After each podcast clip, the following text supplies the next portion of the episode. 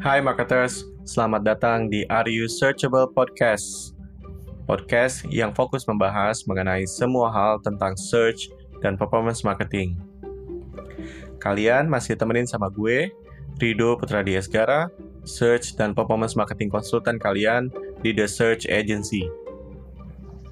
Sebelum podcastnya gue mulai, jangan lupa untuk kunjungin website kita di search.agency dan follow Instagram kita di search.agency.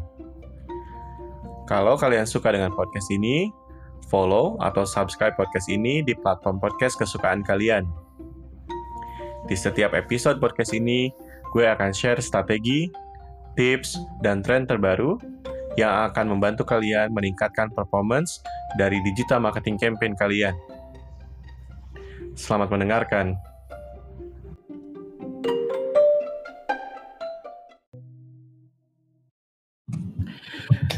Selamat sukses marketer, selamat malam. Uh, terima kasih udah mau daftar, hmm. terus nyempetin buat ikutan episode terakhir di 2020. gue Rido Putra Gara, founder sekaligus managing director di Search Agency. Uh, ini adalah di SEO Show episode keempat. Dan episode ini adalah episode yang spesial karena gue mau ngobrol sama dua pentolannya salah satu e-commerce paling gede di Indonesia. Kan? Dan yang kita bahas juga bukan yang ece-ece. kita mau bahas soal sesuatu yang uh, menurut gue akan sangat bermanfaat untuk teman-teman kan terutama teman-teman yang sedang menjalankan campaign SEO untuk untuk bisnisnya, untuk company-nya, untuk uh, kliennya ya kan. Uh, kita akan coba bahas mengenai uh, aligning SEO strategy with the buyer's journey ya kan dan ini part yang menurut gue kadang-kadang kita suka lupa ya kan padahal uh, ya kita salah satu tujuan kita ngejalanin campaign SEO tentu adalah untuk meningkatkan bisnis performance kita ya kan? Dan ini adalah step yang penting untuk melakukan itu. Oke, okay. di episode keempat ini gue ditemenin sama dua orang uh, tamu spesial, ya kan? Ada Reza Putra, uh, SEO lead di Tokopedia. Uh, kemudian ada juga Eki Riandra, uh, senior SEO di Tokopedia. Thank you, Za. Thank you, Ki, udah mau nemenin gue live, ya kan? Ini rekor nih, kita baru mulai live terus yang ikutan udah 25 orang. Wah. Wah ini kayaknya Iya. Kalau yang di daftar di eh, listnya kita juga udah sampai 600-an, Za. Setelah lu umumin namanya. Ya kan? Oke, sebelum kita mulai ke pertanyaan-pertanyaan nih, gue mau mau mau lo Za sama Eki buat kenalin diri lo dulu. Mau mulai dari siapa? Reza dulu, Eki dulu. Eki dulu, coba. Silahkan Ki. Oke, oke. Oke semuanya, uh, uh, mungkin ber baru pertama kali saya baru muncul di depan publik seperti ini. Oke semuanya, perkenalkan saya Eki, saya saat ini salah satu bekerja ya di Tokopedia yang juga menangani SEO. Saya di Tokopedia juga work under Reza. Ya di mana Tokopedia kita ya ya most of cases kita uh, selalu uh, berbau SEO lah. Um, baik secara uh, secara teknikal maupun secara slide content. Nice. Oke, okay. ada lagi Ki? Sebelum Tokopedia lu di mana ya Ki by the way? uh, sebelum di Tokopedia gua gua di ada namanya co-working space mungkin pernah dengar Hive. Oke. Okay. Nah, uh, sebelum di Tokopedia uh, saya di co-working space itu bekerja jadi SEO juga sih di Hive. Nice. Oke. Okay. Itu aja sih. Kayaknya perkenalannya sudah cukup lah ya. Siap. Oke, okay, uh, eh, yang ini sih harusnya nggak usah dikenalin lagi, tapi kenalin lagi nih, Za. Takutnya ada sesuatu yang baru pertama kali lihat lo. Silahkan, Za. Halo, gua Reza, SEO Lead Marketplace uh, di Tokopedia. Uh, apa lagi yang perlu dikenalin ya? ya, gue uh, work bareng, bareng Eki, dan ada beberapa tim gue lain. Mungkin next time kita undang yang lain kali ya Om ya. Boleh boleh boleh boleh. Siap. Ya. Senang banget lah gue ya kan. Uh, yang udah itu aja aja nggak ada lagi. Serius? Ya, oke yang lain lagi ya. Pengalaman kerja 99% pengalaman kerja gue sendiri cuma ada di SEO. Oke. Gak ada yang lain. Ya, Siap. uh, total mungkin udah jalan 12 tahun mungkin ya, 13 tahun di SEO aja. Oke. Bukan berarti gue udah mastering ya, karena kan nggak kayak zaman ya. Belajar SEO udah banyak modul kan, kita ada talk show model kayak gini. Nggak ada apa scratching dulu setahun cuman A/B testing aja nggak udah-udah nggak nambah-nambah ilmunya. Betul, betul. Sekarang sih kayaknya belajar SEO udah lumayan menyenangkan ya, ya. Iya. Banyak resource-nya ya kan. Dulu gue belajar SEO tuh nyantol sama orang, ngerti gak lo? Jadi gue Hmm. cari orang yang uh, menurut gue ngerti banget, terus gue tiap hari ngabisin waktu sama dia. Eh, udah lama banget tapi 2007, 2008. Oke, tak ketahuan tua aja gue. Oke, eh Zah, Tokopedia mau go public ya? Wah, kebagian Waduh, boleh aja. Itu nanyanya yang nggak bisa jawab kalau itu. Siap. Anyway, teman-teman search marketer, kalau teman-teman search marketer mau ikutan diskusi, teman-teman search marketer bisa pakai fitur live chat yang ada di uh, YouTube, atau teman-teman search marketer juga bisa pakai fitur komen yang ada di Facebook. Nanti uh, pertanyaan-pertanyaan yang akan kita tampilkan dan kita usahain untuk kita uh, diskusin. Jadi bahan diskusi kita di di ACO Show episode keempat ini, ya. kan? Oke, uh, kita ke topiknya. Uh, gue punya beberapa pertanyaan untuk mancing uh, teman-teman search marketers, ya. kan? Jadi uh, yang pertama adalah uh, ngomongin soal buying journey ini pasti terkait sama search intent, ya kan? Uh, seperti yang kita tahu dari mulai uh, informational search intent, commercial, transactional, ya kan? Itu salah satu part yang mempengaruhi atau atau menunjukkan ke kita, uh, ngasih insight ke kita, audiens kita ada di stage yang mana, ya kan? Kalau boleh gue tanya sama lu nih, uh, gimana sih approach-nya lu berdua, Za sama Eki, buat bisa identify search intents dari user kita ketika melakukan pencarian? Siapa yang mau jawab duluan? Sweet, sweet, Mungkin bisa Reza dulu yang sweet. Biar seru Ki. Ya, Sweet. sweet. Kita Oke, oke. tuh Oke, dua. Kita. Ya, Gua Tuh. ah, tuh gunting sama tuh dua. Ah, gunting. ah, gua kertas. Ya, lo duluan berarti Za. Eh. Harus yang menang dulu begitu. Gimana cara uh, nge-identify search intent Hmm. dan tetapkan landing page-nya yang benar apa enggak gitu. Ya. Way. Jadi sebenarnya kalau gue pribadi itu uh, secara universal ya kita nggak ngomong apa yang gue kerjakan sekarang di e-commerce. Sebenarnya kita uh, maknain dulu dari uh, makna dari kata kuncinya itu sendiri gitu Oke. common mistake yang ada di masyarakat adalah mereka cuman aiming search volume titik udah. Kalau mungkin kita googling-googling di luaran sana apa ada di modul-modulan di luaran sana apa di forum-forum uh, banyak kan orang mungkin dulu kita ya yang mas zaman zamannya Amazon affiliate segala macam ya om ya Mm-mm. di booming Uh, orang banyak aiming kata kunci kata kunci yang gede-gede aja gitu Uh, katakan misalnya kata kuncinya beli sepatu gitu apa. Oh ini search volume sepuluh ribu, lima belas ribu kita list down. Ini gede dihitungin CTR kali berapa persen sebulan dapat sekian. Search volume-nya. Kliknya bakal dapat eh, sekian, impressionnya bakal dapat sekian dalam satu bulan. gue bakal dapat traffic apa traffic growth sekian gitu. Salah apa bener nggak? Menurut gue salah juga cara kayak gitu. Cuman permasalahannya adalah kita mesti ngenalin dulu apa yang mau kita jual. Hmm. Kalau kita mau jual, kita mesti mapping dulu jualannya di mana. Ya kan? Kalau bisa kita tahu levelnya apa sih gitu. Yang namanya mohon maaf nih, jual iPhone yang satunya Xiaomi gitu. Eh, atau mungkin jualan tas branded, satu lagi tas KW. Tas KW apa tas second atau mungkin kita jualan satu keripik singkong, satu smoked salmon gitu kan kita juga mesti mapping dulu gitu uh, behavior dari setiap marketnya itu. Nah, cara yang paling bagus sebenarnya uh, menurut gue pribadi adalah nanya gue sendiri, diri gue sendiri kalau nyari sebuah barang itu kayak gimana sih gitu. Kadang kadang uh, gue mempraktikkan cara di luar dari kata kunci yang populer atau uh, di luar dari search volume gitu. Kalau gue punya, gue pengen beli drone, misalnya gue bakal ngetikin apa sih? Jadilah diri kita user gitu sebenarnya. Sesederhana itu sih.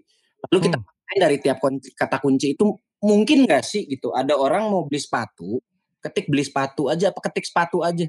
Mungkin nggak? Tanya diri kita aja sendiri dulu gitu. Mungkin yeah. ada orang uh, bakal ngetikin itu di engine kalau gue sendiri ngomong nggak mungkin.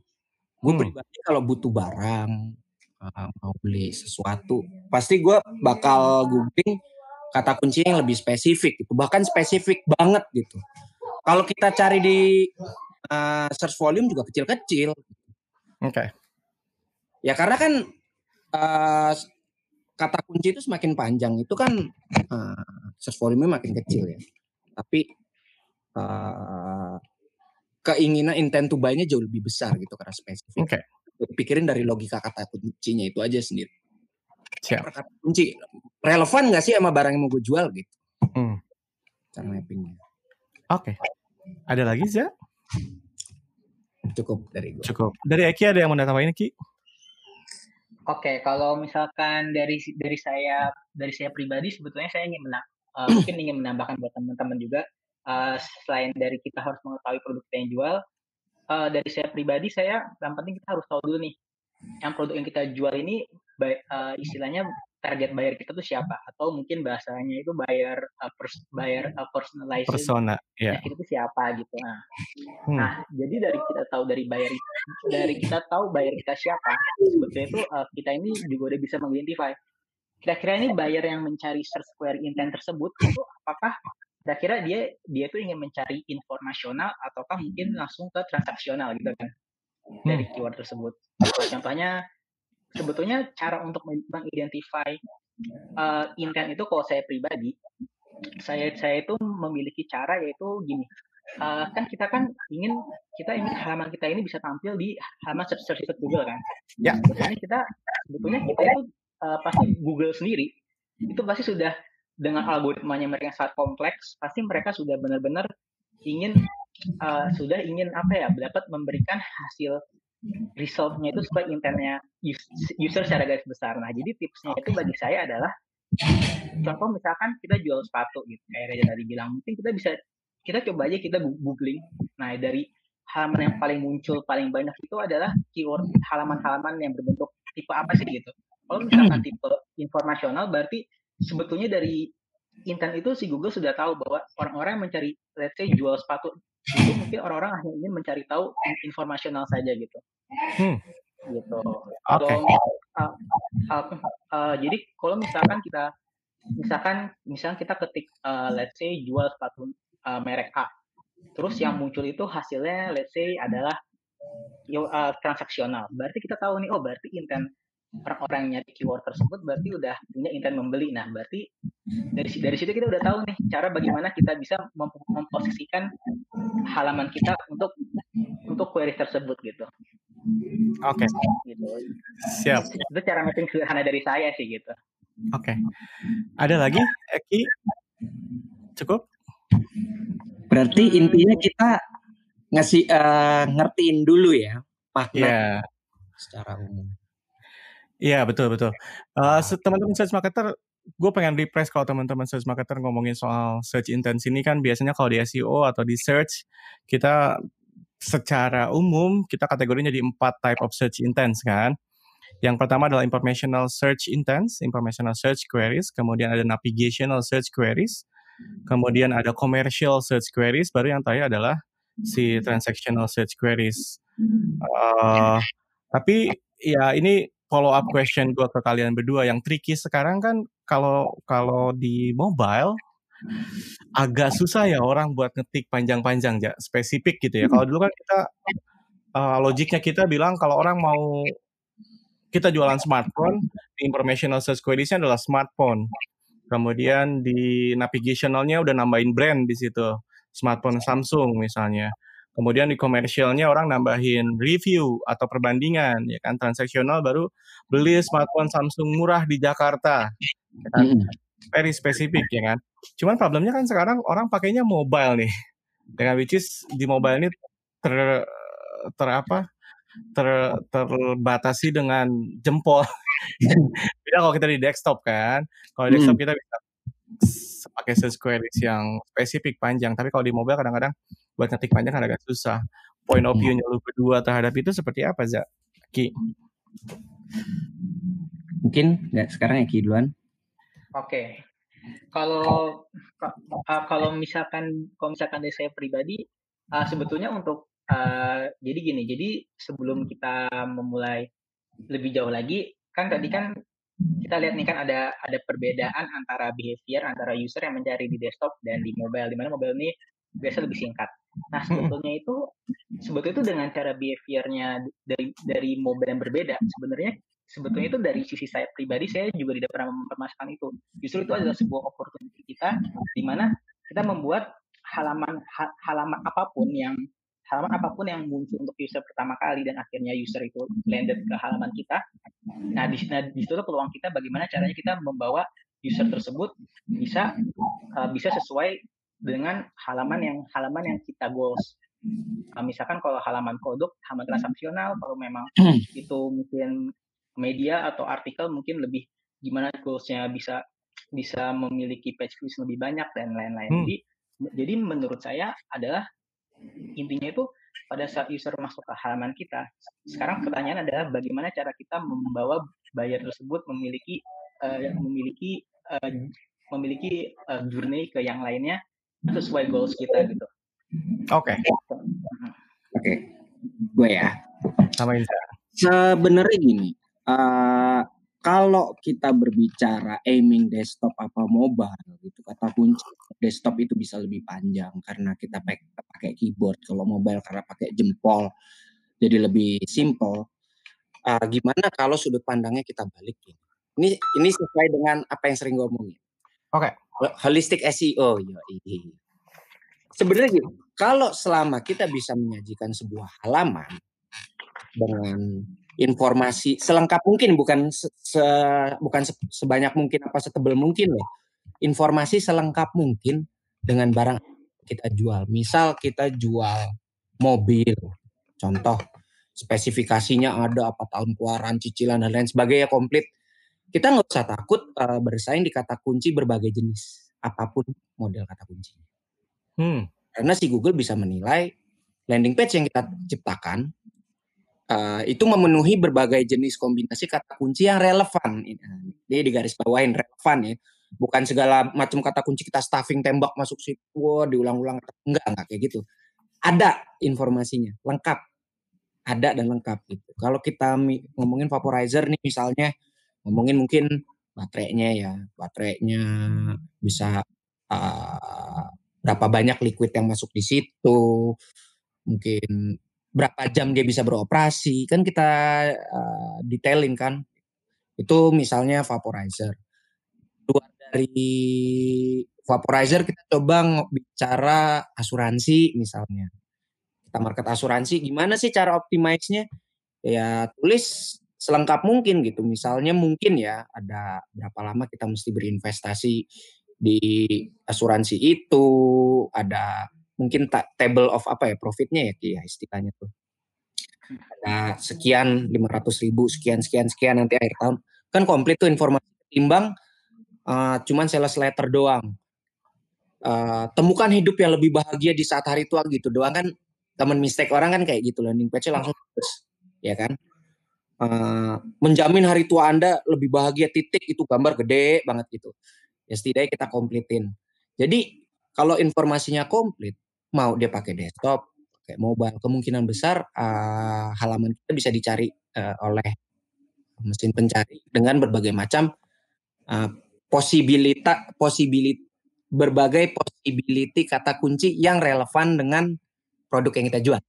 Oke. Okay. Menarik sih Jay itu Jay. Kay kayaknya memang kebanyakan company sekarang approach-nya seperti itu ya Jay. Jadi landing page-nya itu memang content rich landing page. Jadi kalau itu product page di situ ada product information-nya, ada spesifikasinya, kadang-kadang review-nya juga ada di situ ya kan. Terus uh, ada tombol buy-nya untuk accommodate transactional queries ya kan. Uh, tapi mungkin yang harus diperhatiin adalah ya balik lagi harus dites apakah behaviornya user terhadap landing page ini seperti yang kita mau atau enggak gitu ya. ya. Itu yang yang mungkin juga salah satu part yang harus kita perhatiin ketika kita ngomongin soal buying journey ini. Jadi nggak cuma dari eksternal, bukan eksternal ya, search intense doang, tapi respons konten kita juga seperti apa. Dan ini kayaknya relevan sama sama role-nya lu berdua, sob. ya kan? Uh, karena gini, di uh, eh, gue nggak ngomongin soal Tokopedia, kalian juga nggak usah jawab spesifik untuk Tokopedia di e-commerce misalnya ya kan, lu kan dealing sama type of queries yang range-nya banyak banget ya kan. Information lu iya ya kan? Bahkan kalau kalau lu ikut sempat ikutan di beberapa episode sebelumnya pasti ada setiap episode pasti ada yang komplain gue cari apa aja ada Tokopedia di situ. Itu komplainan semua orang tuh. Dan uh, yang gue mau tanyain adalah uh, menurut lu berdua point of view lu berdua gimana caranya lu uh, kayak mastiin nih supaya setiap type of search queries yang uh, user gunakan itu uh, punya response landing page yang sesuai sama search intentnya. Mau oh, dari mana? Dari siapa? Gue dulu ya. Oke. Okay. Gimana caranya kita bisa ngerespon uh, market berbagai macam kombinasi kata kunci dan kita bisa surfing uh, the landing page uh, yang tepat. Kembali lagi di pernyataan gue yang pertama. Jadikan diri kita sebagai user. Hmm. Itu kayak sebelum kita bicara technical SEO yang jauh, sebelum kita bicara relevansi, jadikan diri kita sebagai uh, sudut pandang orang yang membutuhkan informasi. Oke. Okay. Apa pun itu, e-commerce, berita, uh, fintech, atau jasa dan lain sebagainya. Uh, dari situ kan kita bisa nyoba mapping kata kunci uh, yang paling berhubungan dengan produk yang akan kita jual atau kita promosikan atau bahkan berita yang mau kita uh, bump ke sosial media eh sosial media search engine gitu. Jadi sebenarnya kalau kita coba dari dari Eagle Eye itu uh, kombinasi kata kuncinya juga nggak akan terlalu jauh-jauh amat gitu. Hmm. Kalau kita bicara berita misalnya ada orang tersangka korupsi itu juga orang per, kita tanya sama diri sendiri pertanyaan mas mas uh, most common question tuh gak bakal jauh-jauh pelaku kapan ditangkapnya, kasusnya apa, ya enggak? Itu kalau uh, berita. Hmm. Kalau barang nggak jauh-jauh, murah. Ya tapi kan kalau kita mainin jual tas Louis Vuitton ya mungkin nggak main kata murah ya. Hmm. Kalau asuransi mungkin mudah, ya kan, instan dan lain sebagainya. Nah itu juga boleh dicari di Google. Uh, kalau kita ketik di Google kan nanti ada suggested kata kunci itu kita coba bisa gali di situ. Nah, itu kita coba semaksimal mungkin kita uh, sajiin informasi itu di landing page, bukan berarti di meta title atau meta description ya. Kembali lagi di awal, informasinya ada di halaman itu. Hmm. Gitu. Kalau misalnya landing page asuransi yang paling enak nih kita ngomongin asuransi. Misalnya di situ ada asuransi return terbaik misalnya Ya, berarti kan uh, di sales letternya itu kita juga highlight soal kata kunci return terbaik misalnya. Okay. Terus habis itu premi ringan gitu apa ya premi murah apa premi ringan lah boleh kita mention. Nah dari berbagai uh, kombinasi kata kunci itu nanti bisa kita rumusin nih kalau misalnya kita ngejualnya konten heavy berarti ke namanya copywriter landing page. Hmm. Gak usah panjang-panjang, yang penting lengkap kata kuncinya. Singkat, padat, jelas gitu, to the point. Yang kedua kalau misalnya nggak berbentuk konten landing page, ya setidaknya kita ada informasi yang kita saji entah widget, ya kan, entah di highlight di H1 H2-nya dari code dan lain sebagainya. Itu kalau dikembangin tuh kembali lagi sih ke kreativitas tim SEO-nya juga sih ya dan tim konten sih kalau untuk masalah ini bagaimana cara kita menyajikan halaman serelevan mungkin. Tapi yang perlu di highlight ini serelevan mungkin. Bukan berarti kalau kita jualan keripik singkong gitu uh, kita mention tuh kota-kota besar di Indonesia dari Sabang sampai Merauke itu gue pernah nyaksiin gitu orang. Over optimize jasa SEO Jakarta dari dari Aceh itu sampai Papua. Sampai Papua ada semua. Uh, itu kurang kerjaan namanya, Mak. Sorry, sorry, sorry ya, sorry tuh saya kurang kerjaan. Yang bener-bener nyari itu ya kadang kita juga perlu ngeliat Google Trend, hmm. search volume. Orang yang banyak nyari SEO itu di kota apa aja. Mungkin nggak sih kita surfing orang yang ada di kota yang jauh dari kita, apa kita mau fokus mana di mana dulu kembali lagi kita juga mesti ya. ngerumusin ke tim bisnisnya. Bisnis hmm. ini mau sampai mana gitu. Oke, okay. uh, menarik ja, thank you jawabannya ja.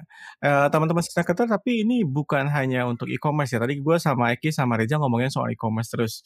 Mungkin di antara teman-teman ada yang uh, fokusnya bukan ke transactional search queries, mungkin ada yang informational search queries. Tentu treatmentnya akan berbeda. Kalau gue summarize dari yang tadi Reza sampaikan, yang paling penting adalah kita pasti kalau landing page kita bisa menjawab search queriesnya orang, ya kan? Uh, dan itu penting banget untuk teman-teman perhatiin. Uh, Eki, ada yang mau ditambahin? Silahkan. Uh, kalau kalau misalkan dari si saya sebetulnya itu udah cukup dari Reza tapi mungkin ada yang saya tambahkan itu adalah uh, mungkin selain kita dari dari masa dari masa uh, relevansi itu uh, itu mungkin kita juga harus memikirkan bagaimana experience user tersebut ada di halaman kita gitu loh uh, ya. apa namanya mungkin tadi kan Reza sempat ada nyebut uh, contoh kayak tadi kita menampilkan beberapa ditambah widget, konten dan lain. Nah, tapi mungkin teman-teman jangan salah kaprah kalau oh berarti kita harus dalam satu landing page tersebut kita langsung plug semuanya dimasukin informasional kayak gitu kan. Nah, itu kan berarti experience user juga bakal terganggu juga kan. Ya. Gitu. Bahkan ada beberapa website yang menggunakan ditembak pop-up sebanyak mungkin gitu. Di mana itu sebetulnya mungkin tidak hanya bermasalah buat user aja gitu kan. Mungkin bisa bermasalah buat mungkin buat si Google itu sendiri gitu. Jadi selain selain relevan, yang penting teman-teman juga juga harus memastikan bahwa experience-nya user setelah masuk landing page tersebut juga bagaimana gitu. Apakah dia langsung mendapatkan cepat dengan um, apa? Apakah dia mendapatkan jawaban atau jangan jawab dia harus scroll sampai ujung bawah bawah banget ternyata di halaman lain jawabannya gitu akhirnya itu jadi apa jadi membuat halaman kalian tuh semakin lama tuh semakin tidak tidak relevan gitu loh. Hmm. Mana yang penting nice. harus diperhatikan juga selain selain dari relevan. Ya, setuju banget gue. Oke, okay. oh, udah ada banyak banget pertanyaan buat lu berdua. Ya, sama Ki. Gue coba scroll ke atas cari pertanyaan yang paling awal siapa. uh, Mas Jarot, gue tampilin di sini ya. Beda job desknya Mas Reza sama Mas Eki apa katanya? Sebenarnya sama. Sama ya. Sebenarnya sama. Cuma berbeda chain of command aja. Iya. yeah. Oke. Okay. Siap. Lanjut ya. Ini Jo, siapa sih Jo? Ramira Jo? Namira siapa Jo? Oh, ini ya aja deh yang jawab dah. Jo, lu katanya mau kaos gini Jo. Kapan mau ngambil ke rumah lu Jo? Sorry. Enggak mau di kau cari jawab lah ya. Nggak usah. Tosik ya. Oke. Okay. Mau jawab juga susah. Ada pertanyaan dari Putra. Jadi kalau intent uh, tuh bu bet mendingan long tail ya. Gimana sih Put? Pertanyaan lu Put. kalau ada intent to buy, sorry, mendingan long tail ya. Sebenarnya balik lagi ada beberapa case nggak long tail. Beberapa hmm short tail gitu. Beberapa market gitu. Jadi uh, kita jangan ke dikotomi kotak-kotak gitu. Oh ini harus long tail buying. Ini harus short tail. Hmm.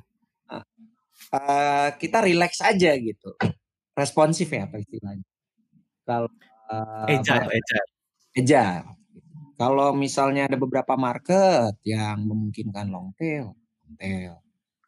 Kalau enggak, main di short tail, short tail. Kembali lagi, nah, user experience itu. Karena setiap market itu beda banget. Oke. Okay. Orang. Mungkin Eki mau nambahin bagian ini? Oke, okay, uh, uh, eh, mungkin tambahan bagi saya, uh, mungkin mungkin jangan uh, kita nggak usah kotak-kotak ya Pak Rongtel atau enggak benar kata Reza uh, tetapi mungkin kalau dari saya lebih menekankan uh, bagaimana uh, bagaimana untuk untuk untuk effort kita buat ke keyword tersebut gitu kan karena gini karena yang yang kita ketahui ya mungkin dari semua tools juga tahu bahwa semakin keyword general dong uh, kompetisi kan semakin besar kan hmm. gitu secara garis umum sekarang pertanyaannya uh, pokoknya yang penting kita bisa mendelivery landing page kita sesuai dengan dengan queries yang kita tuju gitu. Jangan sampai ternyata effort kita tuh terlalu besar di keyword yang kompetitifnya yang terlalu besar banget, terlalu general, tapi tapi ternyata output buat goals kita tuh ternyata lebih gede effortnya dibanding apa yang dia dapat gitu. Jadi jangan yeah. menurut saya itu juga diperhatikan juga sih. Jangan jangan terlalu apa ya, jangan sampai effort jangan terlalu gini yang ngeliatinnya ya. Hasilnya nggak ada gitu. Nah, yeah. Yes, setuju gue. Uh, tapi ya berarti yang penting juga buat diperhatiin sama teman sales marketers adalah pastiin teman-teman sales marketer udah set up goals-nya dengan jelas. Objektif dari SEO-nya apa? Supaya nanti teman-teman sales marketer bisa analyze every search queries yang datang ke website teman-teman sales marketer ini sudah deliver goals yang dimau atau enggak. Ya, uh, dan ini nggak terbatas untuk transactional di e-commerce aja. Kalau teman-teman misalnya lead generation, ya kan? uh, atau teman-teman hanya ingin engagement misalnya di kontennya itu juga goal yang bisa di measure juga ya kan dan gue setuju sama Eki sama Reza bahwa nggak nggak bisa. Sekarang ini karena udah banyak yang crossover antara short tail, long tail dan lain-lain ya kan. Kadang-kadang orang pakainya short tail generic terms tapi intensnya dia udah ready to buy ya kan. Dan yang tahu adalah kita sendiri karena kita yang punya websitenya kita yang tahu responsnya user terhadap konten seperti apa. Itu yang harus jadi apa? Jadi insight buat teman-teman. Dan teman-teman juga harus agile kayak yang tadi Reza bilang menyesuaikan landing page-nya kalau ternyata oh keywordsnya ini tapi ternyata responsnya user justru bukan transactional responsnya user adalah informational search queries ya kan harus di enrich lagi kontennya atau apa pun itu tapi lihat responsnya user dari setiap search queries terhadap landing page yang kita serving kita lanjut ya hmm. Siap. Uh, Transo. Search volume besar kan journey pertama user di sana. Apakah itu tidak cukup untuk menjadikan bisnis memiliki posisi kuat di sana? Silakan. Siapa Eki? Eki duluan. Waduh, pertanyaan dari Franzo. Oke, okay, eh, kenal jadi, uh, eh, kenal ya. Tapi kalau komen ini tiap hari ketemu nih kayaknya. Oke, okay, jadi kalau tapi kalau kalau menurut kalau dari menurut saya pribadi uh, uh, apa namanya sebetulnya ada dua hal yang bisa kita pisahkan di sini. Itu adalah pada saat kita ingin um, kita goals kita adalah ingin tujuannya untuk untuk visibility website kita atau istilahnya brand awareness kita atau atau memang untuk tujuannya untuk goals kita itu untuk conversion gitu dan ya transaksional. Jadi uh, jadi jadi pada saat ini nih uh, mungkin uh, mungkin memang keyword yang belum besar itu ya ya mungkin misalkan kita bisa bilang oh let's say kita bisa ngerank nih dengan dengan keyword Samsung doang misalkan kita ngerank. Atau mungkin keyword Cristiano Ronaldo gitu. Uh, kan sekarang uh, perta uh, pertanyaan yang paling penting adalah kita menjalankan bisnis itu pasti intinya harus ada money kan gitu. Nah nah sekarang, sekarang pertanyaannya apakah kita dengan cara ranking uh, ranking di sana contoh let's say keyword Cristiano Ronaldo apakah itu kita apa istilahnya apakah itu bisa membuatkan our bisnis kita gitu kan? Apakah itu mendelivery kita memberikan kita sebuah keuntungan gitu? Hmm. itu kalau target kita memang fokus ke uh, fokusnya ke uh, transaksional. Tapi tapi lain lagi ke objektif kita memang tujuannya memang untuk brand awareness gitu. Contohnya contohnya kita Cristiano Ronaldo tapi kita memang let's say jualan merch merch Cristiano Ronaldo misalkan gitu ya. Nah itu mungkin lain hal yang berbeda lagi gitu. Jadi jadi jadi emang tergantung kondisi kita itu tujuannya apa gitu. Oke. Okay. itu point of view yang pas sih menurut gue ya. Ya kan?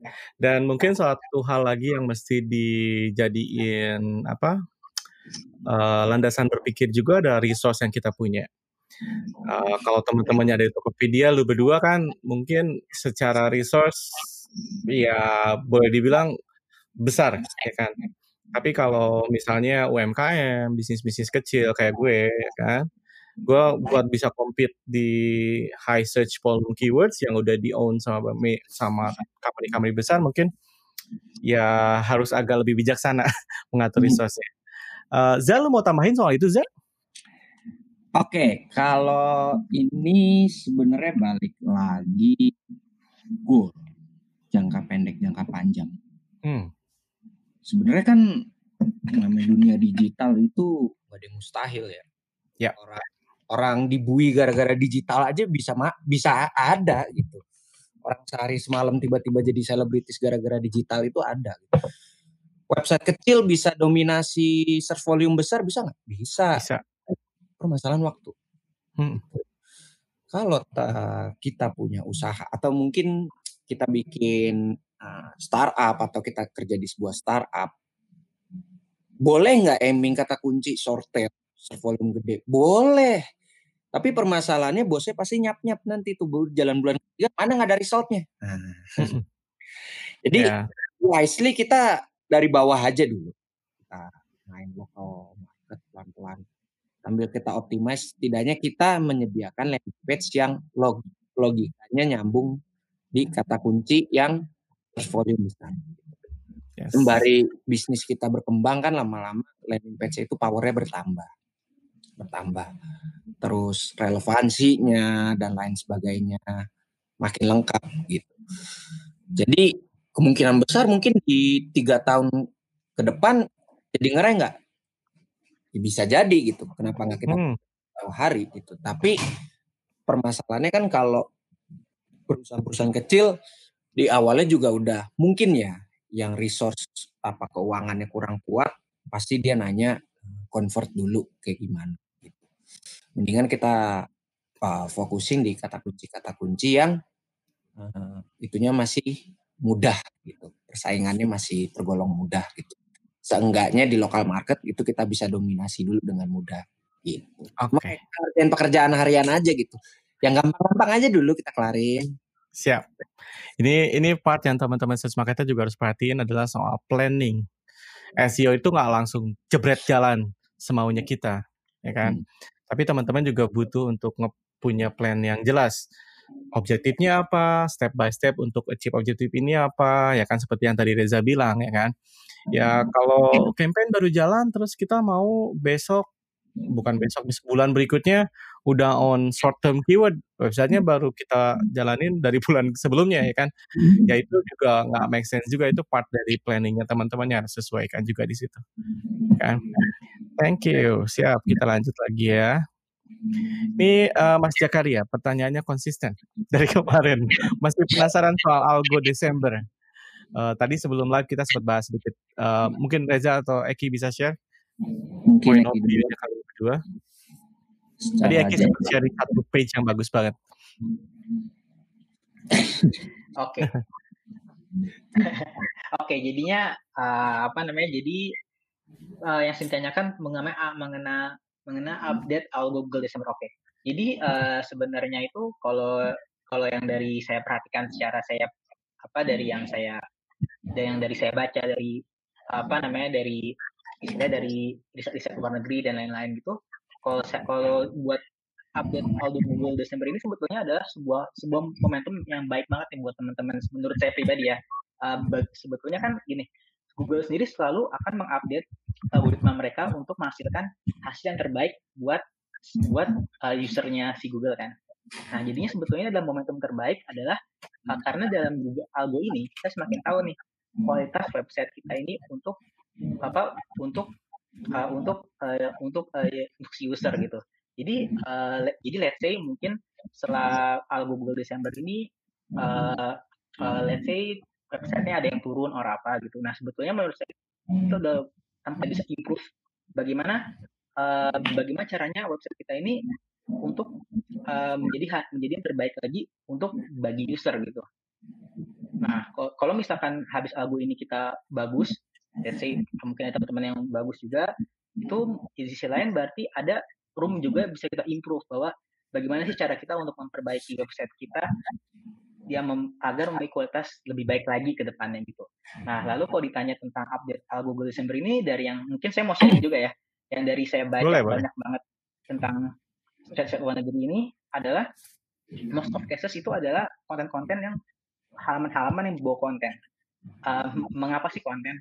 Nah, karena si Google, si Google sendiri ingin lebih uh, memberikan hasil rich informasional pada user uh, di mana dalam berbau konten. Jadi makanya mungkin mungkin ya dari ini dari banyak banget cases di luar negeri sana yang paling terkena dampaknya itu adalah website-website yang berbau konten.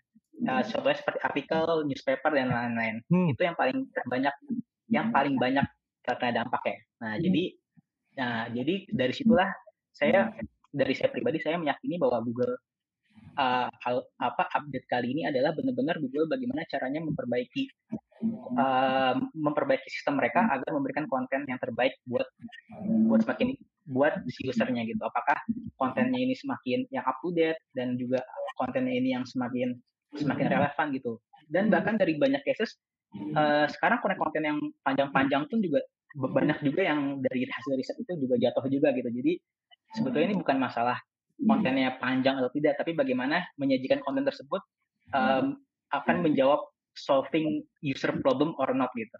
Hmm. Gitu. Nice. Reza sempat ngeliat ja gimana ja?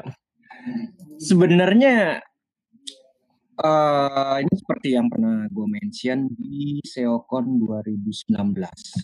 Hmm kita nggak perlu worry yang namanya Google Algo Update. Nggak perlu. Gak usah takut. Yes. Selama kita kerja jujur, nggak main kejar-kejaran backlink, keyword stuffing, nggak usah takut.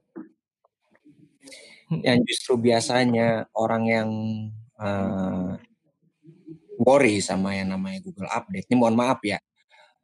Mungkin teman-teman yang suka mempraktikkan uh, black hat, mungkin jadi dia takut ini si Google mikirnya sekarang kayak gini, si Google sekarang mikirnya kayak gini. Rumus sebut merek dong. Iya. Aduh. Merek. Apalagi orang-orang yang pointing, wah ini berarti yang update sekarang nih DAPA, walah yang update Google yang disalahin DAP. bro. Oke. Okay kembali lagi apa yang uh, eh, gue ulangin apa yang tadi dimention Eki itu bisa menjadi bahan introspeksi diri kita itu kalau misalnya kita naik itu berarti uh, barang yang kita jual barang yang kita sajiin ke user kita itu sudah cukup berkualitas hmm. tapi kalau jatuh mungkin kita perlu mengkoreksi atau bercermin lagi gitu uh, apakah halaman ini uh, to a ya apa kita pernah kita abuse ataukah jangan-jangan ada beberapa kata kunci yang terlalu kita paksakan nggak natural lah kayak gitu ya istilah katanya nggak kita sajiin sebaik mungkin gitu ya seperti yang gue omongin di awal selengkap mungkin informasi bukan sebanyak mungkin ya Tuh, kalau kita ngomongin motor A handphone A gitu segala macam handphone kita masukin semua di situ kan nggak relevan gitu. Hmm. Itu menilai halaman kita irrelevan gitu. Sedangkan yeah. salah satu tujuan utama kita sebagai orang SEO adalah bagaimana mengoptimalkan halaman atau website seoptimal mungkin gitu. Jadi di situ kita dalam optimasi itu kita buat halaman serelevan mungkin. Kalau ditanya Google algo update-nya kayak gimana detailnya mungkin teman-teman bisa baca sendiri sumbernya banyak banget di Google. Tapi okay. point out yang akan gua uh, highlight di sini adalah uh, nggak usah takut mau Google update sesering apa pun selama kita nyajin uh, halaman relevan dan berkualitas kemungkinan besar uh, halaman kita itu nggak akan uh, kena gebuk lah gitu. dan juga ini bisa buat uh, kita berpikir uh, gimana SEO lima tahun ke depan 10 tahun ke depan. Si Google hmm. pinter. Dan celah kita buat bermain curang itu semakin kecil. Jadi apa yang Google lakukan update ini sebenarnya mempersempit orang-orang yang suka abuse uh, kelemahan dari algoritmanya itu sendiri. Malah menurut gue pribadi positif buat teman-teman yang melakukan SEO secara sehat gitu, nggak main kejar-kejaran sama DAPA lah, kejar-kejaran bikin candi lah, kejar-kejaran banyak-banyakan link. Itu ya sih Eki. DC ya. Baru masuk lagi dia. Uh, seharusnya positif gitu. Kok teman-teman yang biasa melakukan hal-hal benar mungkin ngedumel nih, ah gila gue udah bikin halaman bagus nih, informasinya rapi, website kita cepet, kok kalah sama itu itu melulu gitu. Sama Tokopedia. Eh.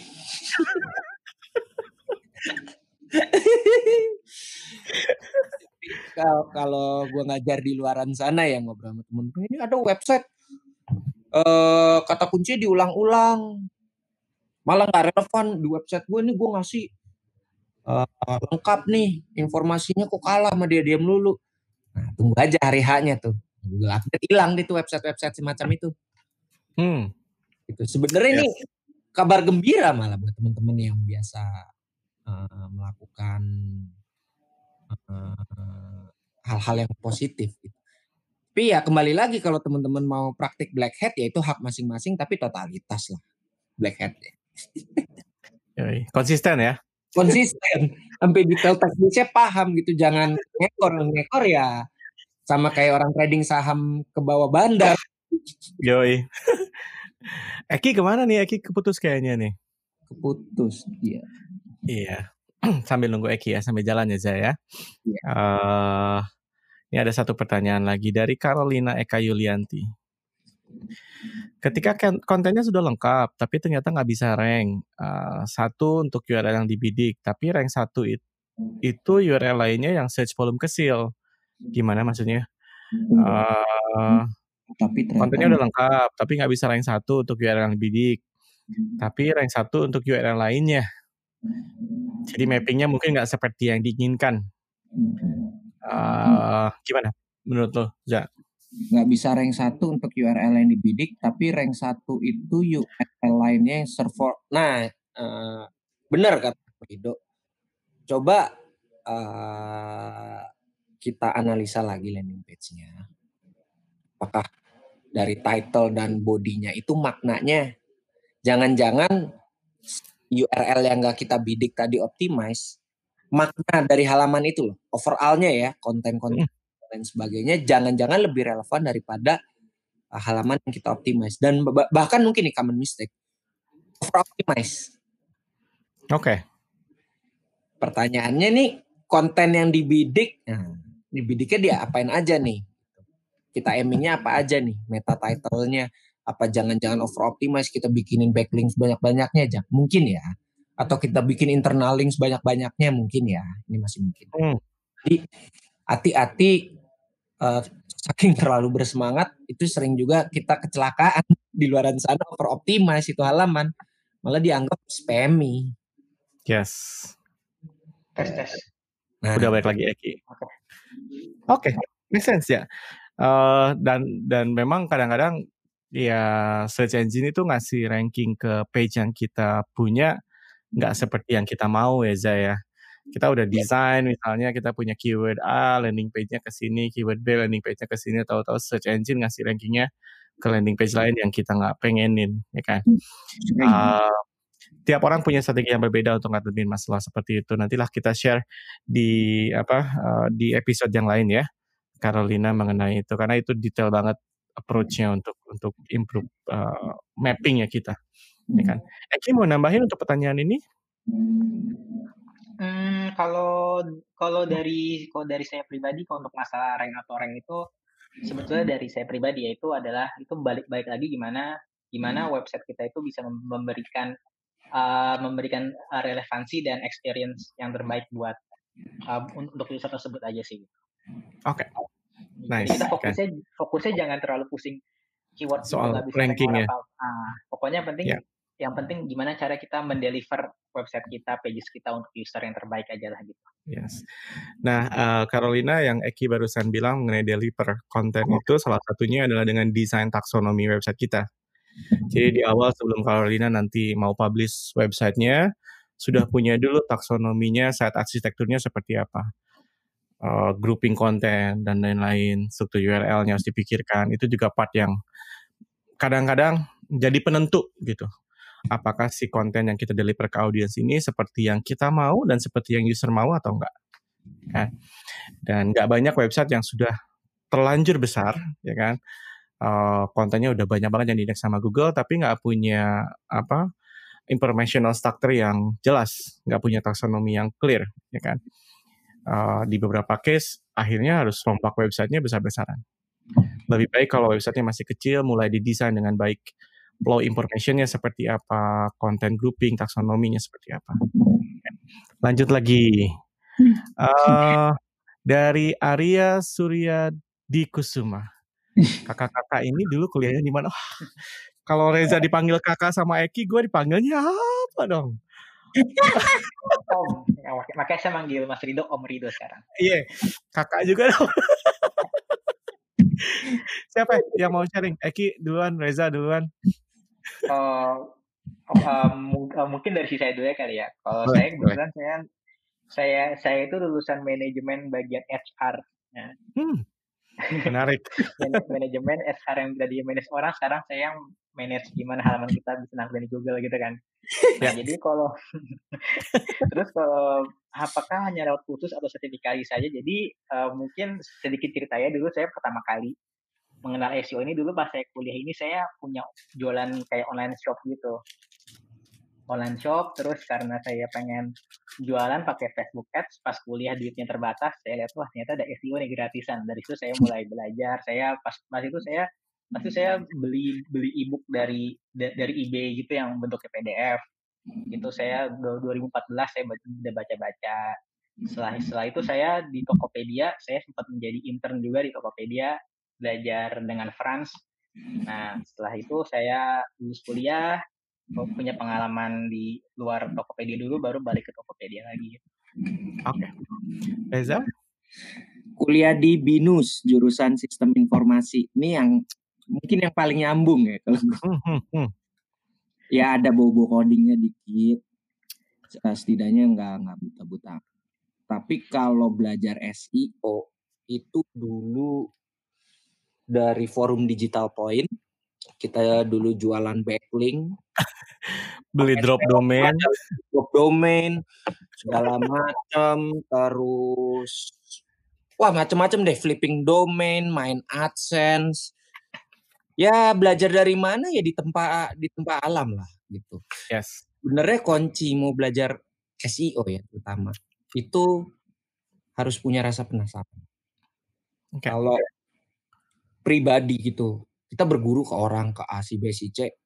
Mungkin bisa, tapi untuk starter pack-nya aja. Tapi kalau untuk ke belakangnya nggak akan bisa kalau kita nggak penasaran dan langsung praktik. Bikin website sendiri. Nah, bikin website sendiri tuh belajar malah jadi banyak loh. Bukan SEO aja kita dapat loh.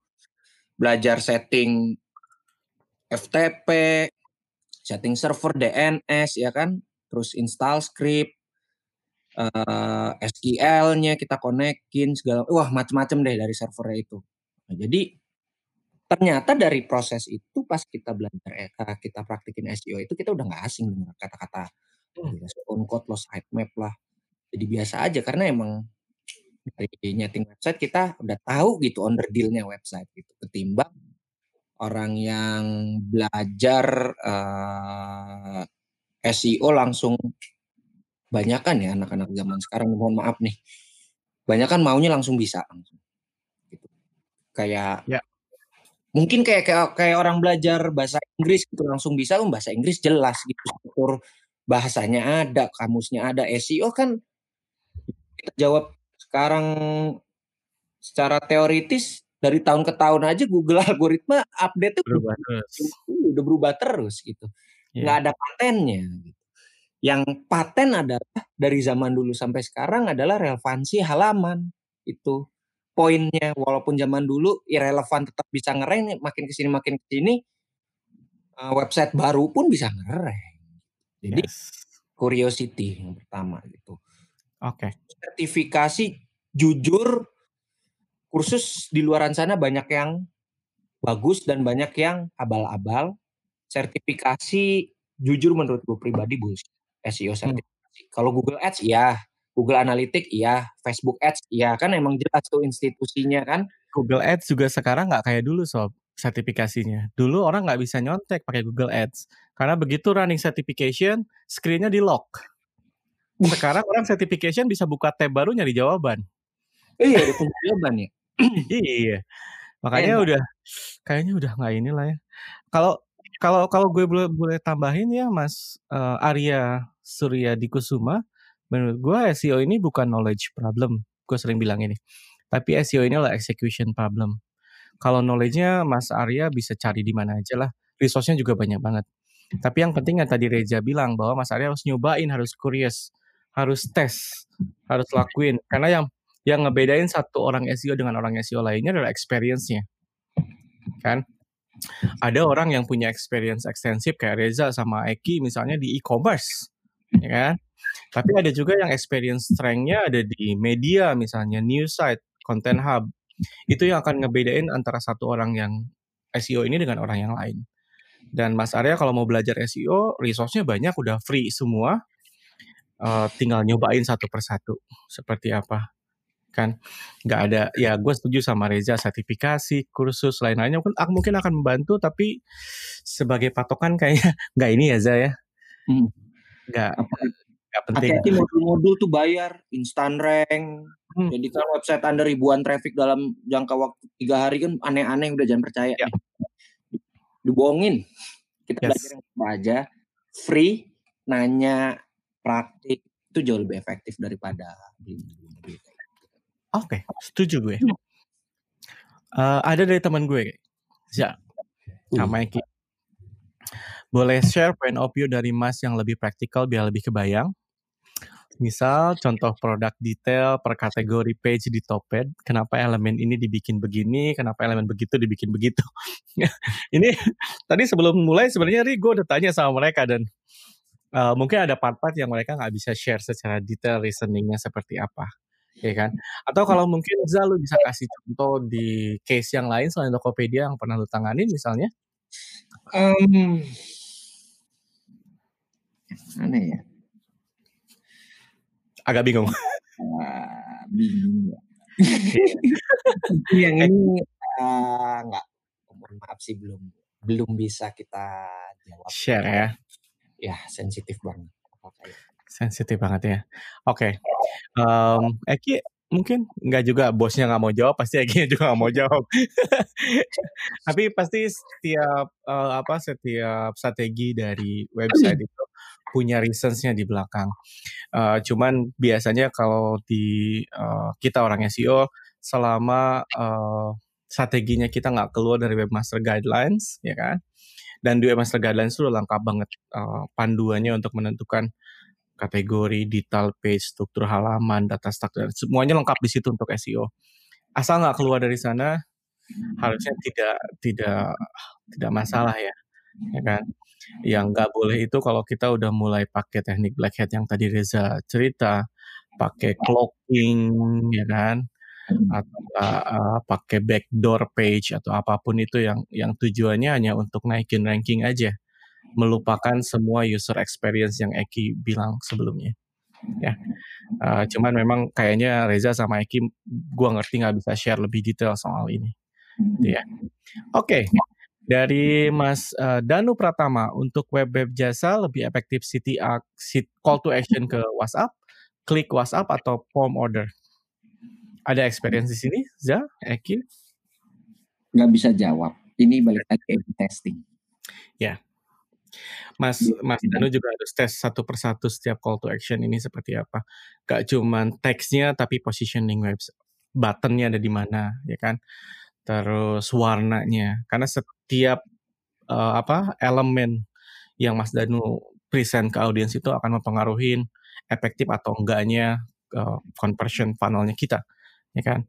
Uh, A/B testing, multivariate testing baru nanti kita tahu mana yang paling efektif uh, caranya. Eki eh, mau nambahin Ki? Sorry. Um, kalau mungkin ditanya lebih efektif atau tidak, mungkin saya lihatnya dari dari point of view yang yang sedikit berbeda gitu. Uh, mungkin dia mungkin balik lagi, mungkin setiap CPA mau keluar WhatsApp atau klik WhatsApp atau komputer punya kalian masing-masing. Contohnya misalkan kalau uh, mungkin kalau jasanya itu mungkin yang benar-benar bisa menghasilkan yang cepat, contohnya seperti let's say jasa jasa aki mobil ganti aki mobil misalkan itu biasanya kan behavior user kan pengennya ya, langsung WhatsApp ya. semuanya langsung WhatsApp let's say gitu. Tapi mungkin kalau jasanya mungkin yang bisa depending sehari dua hari mungkin seperti jas mungkin seperti jasa interior rumah atau apa mungkin form form order mungkin lebih efektif. Um, mengapa yes. lebih efektif? Karena form order itu kan sekarang order from sekarang kan kelebihannya adalah kita bisa langsung uh, tiba banyak kolom-kolom terus langsung di langsung dianalisa dashboardnya dan lain kita tahu oh yang banyak dari daerah sini daerah sana mungkin bisa langsung membantu juga gitu. Jadi hmm. tergantung hmm. uh, kebutuhannya seperti apa ya? betul. Hmm. yes. Oke okay, nice. Uh, satu lagi katanya. Kenapa SEO Tokped begitu mendominasi sampai keyword pemain UKM dengan search volume? Kecil juga disikat. Ya memang maruk. Gimana lagi? Uh, Oke, okay. um, okay. um, mungkin buat satu ini saya bisa membantu jawab. Oke, okay, gimana? karena ini pertanyaan orang-orang sih. Iya, iya. Karena orang-orang banyak banget kan. Memang kita juga tidak bisa ini sih kalau Kenapa sih Tokopedia banyak bisa bisa sampai kecil? Sebetulnya hmm. jawaban dari saya adalah sebenarnya kita di Tokopedia ini kita ingin kita, kita itu ingin semuanya itu ingin uh, ingin apa bergabung dan uh, berkolaborasi dengan Tokopedia lah, di mana platform kita itu kita bisa memberikan perform yang terbaik untuk semua kalangan lah gitu. Jadi hmm. jadi uh, jadi jadi dari kita itu kalau kita itu ingin web uh, kita ingin uh, teman-teman itu juga bisa juga bisa merasakan transaksi dan pengalaman di Tokopedia dan dan juga mungkin teman-teman memiliki bisnis juga dibanding kita harus saling saling uh, saling uh, saling uh, berkompetisi uh, mengapa kita tidak saling ber uh, berkolaborasi di, ya, di di dalam platform yang sudah Tokopedia sedi sediakan gitu loh. Gitu Oke. Okay. Monopoli nih. Sebenarnya nggak monopoli juga ya. Oke. Okay. Iya. Gimana dong? Nggak akan muncul landing page-nya kalau nggak ada yang jualan. Iya. Yeah. Gitu. Oke. Okay. Ada pemain UMKM yang main di situ. Katakan mungkin Garut, daerah Garut, Kuningan dan lain sebagainya. Ada yang jualan di situ ya. Muncul karena emang ada yang jualan. Hmm. Itu di situ membuktikan memang uh, jangkauan kita udah luas banget gitu. Jadi bu okay. oh kita mau pedagang kecil kita gusur enggak. Itu satu kita uh, mengajak yang kedua memang ada yang jualan di situ. Ya. Kembali lagi di statement awal kalau emang nggak relevan nggak akan bisa. Oke. Okay. Nah, halamannya relevan dia bisa keluar di hasil pencariannya gitu. Tapi to be honest ya, uh, Zaki, gue sekarang kalau ketemu sama orang terus orang itu bilang, gue mau bikin e-commerce, biasanya gue akan bilang ke dia, instead of bikin e-commerce, mendingan pakai Tokopedia, pakai Shopee atau Lazada, ya kan? Karena uh, ya meskipun dengan dengan resource yang besar juga kayaknya gak worth it untuk compete dengan big player di e-commerce uh, sekarang ya kan. Kecuali hmm. kalau e-commerce-nya adalah vertical e-commerce yang specifically jual satu barang tok gitu ya. Itu hmm. mungkin lebih lebih manageable untuk untuk kita uh, bisa push performance-nya. Tapi kalau marketplace atau multi product uh, e-commerce biasanya yang gue saranin adalah udah optimasi aja toko di Tokopedia, toko di Shopee atau toko di Lazada ya kan. Better uh, investmentnya dipindahkan ke sektor yang lain yang mungkin lebih um, lebih besar return on investmentnya. Itu sih yang biasanya gue saranin sekarang kalau ketemu sama orang. kan bukan karena bu, bukannya kita apa ya, cuman kan kita nih orang bisnis sih pasti ngeliatinnya return on investmentnya seperti apa, ya kan? Uh, buktinya di beberapa case yang ada bubar company-nya compete sama big player ya kan? Lu di, di tahun ini aja udah berapa e-commerce yang tutup. Nggak bisa compete sama Tokopedia nggak bisa compete sama Lazada nggak bisa compete sama Shopee sama Blibli ya kan? Uh, Blibli juga mungkin kalau nggak punya backup yang kuat gulung tikar ya kan kecuali ada beberapa e-commerce yang memang punya foundation yang kuat banget ya misalnya Bineka ya kan? Gue tahu Bineka punya approach yang berbeda dengan kalian, ya kan? Dan mereka punya foundation yang lumayan strong di sana. Uh, lanjut ya. Um, ini teman-teman kita nanti batasin sampai jam 9 eh sorry jam 9 ya jam 9 pas ya Ken uh, nggak Eki nggak nggak ada janjian kan hari ini? Asia sampai jam 10 nggak apa-apa deh. Oke okay, siap. Uh, dari Mas Arya lagi uh, boleh di share tipsnya nggak biar bisa berkarir di bidang ini? Berarti banyakin portofolio ya? Betul gimana? Tips. Banyak belajar, iya basi banget ya. Kalau kita meniti karir di SEO, saran pribadi gua, rasain dulu kerja di agensi. Di situ kita bisa punya portfolio banyak kerjain. Ini kita udah nggak ngomong SEO lagi ya. Mungkin SEO teknisnya di situ-situ aja nggak jauh-jauh. Tapi bagaimana kita menghadapi berbagai jenis klien? Experience aja ya clients. Kliennya ada yang santai banget saking santainya tas yang kita kasih dianggap gampang. Ada. Ada yang baru seminggu udah ditagih, ini masih belum ada apa-apa kan. Nah, kita merasakan ilmu kehidupan.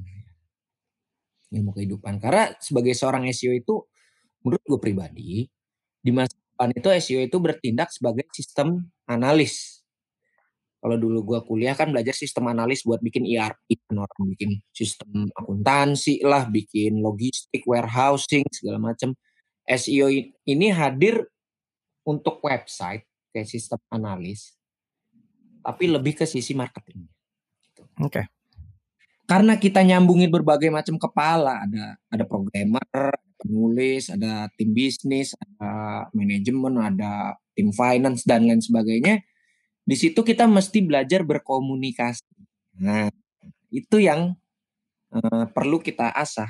Karena mau sejago apa pun seorang praktisi SEO tapi nggak bisa mengkomunikasikan idenya, kita sampai bapak-bapak umur 60 tahun, duitnya punya satu triliun, dia bikin e-commerce, terus dia nuntut banyak ke kita gimana kita jelasinnya? Itu hmm. Kan kita mesti bisa ngejelasin sesederhana mungkin atau kita kerja di sebuah perusahaan corporate yang mungkin hierarkis banget ya udah kayak kayak apa ya, kayak kerajaan mungkin di dalam situ udah kayak kerajaan ini ada pangeran nih anak owner kayak yang ada tipi-tipi itunya ya Jaya? Iya yang ngangkat tadi itu. Menjurus jok lokal jok lokal. Ya begitu. Nah kalau kita gak bisa ngomong gimana gitu? At the end komunikasi juga. Gimana kita? Gini deh. Ada tim tim bisnis datang nih pas sales lah nggak mau tahu tak pasang pop up ayo pop hmm. up halaman ini sekian juta harganya nggak boleh dong tim SEO kan hmm. kita mesti cari jalan tengahnya dulu deh siap Mas Eki ada yang mau tambahin Hmm, mungkin kalau dari saya pribadi, mungkin kan Reza latar belakangnya mungkin yang yang dari yang dari agensi ya. Kalau saya kan sebelumnya saya belum pernah di agensi ya. Uh, kalau saran oh, kalau saran, agensi? kalau kalau saran dari saya sih, ini dari pengalaman saya pribadi ya. Uh, saya pribadi saya lebih memilih untuk portofolio penting, tetapi menurut saya uh, menurut saya yang lebih penting lagi adalah uh, adalah achievement apa yang bisa kita raih di portofolio itu gitu. Jadi kalau hmm. menurut saya, menurut saya pribadi, uh, uh, mungkin kita lebih baik berkarir di satu perusahaan dulu sampai kita mem memiliki achievement yang sudah kita mungkin sudah kita anggap di atas rata-rata. Nah, nah itu bisa kita anggap sebagai portofolio. Nah, pengalaman itulah menurut saya paling mahal untuk bisa kita bawa ke next uh, next step karir berikutnya. Oke. Okay. Uh, sebenarnya ya berkarir di SEO sama lah seperti berkarir di tempat yang di bidang yang lain juga ya kan. Uh, yang paling penting itu build trust dari orang. Uh, gue ada satu apa tuh apa tuh apa tuh kalau mau ini mungkin karena keadaan di Indonesia sekarang ya uh, sabar karena yeah. pertama kita mau berkarir SEO nyari gaji duluan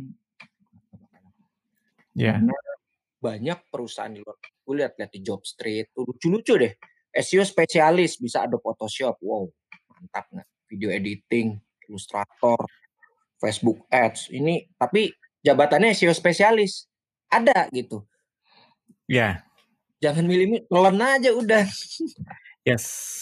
Uh, iya sih, ja, karena ya memang dunianya kan berubah terus ya.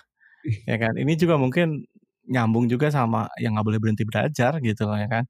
Dan uh, tadi Reja sempat singgung kalau kerja di agensi itu bisa jadi salah satu modal yang menyenangkan karena di di agensi memang typically kita akan bersentuhan sama banyak banget vertikal yang akan ngasah experience kita lebih cepat, ya kan?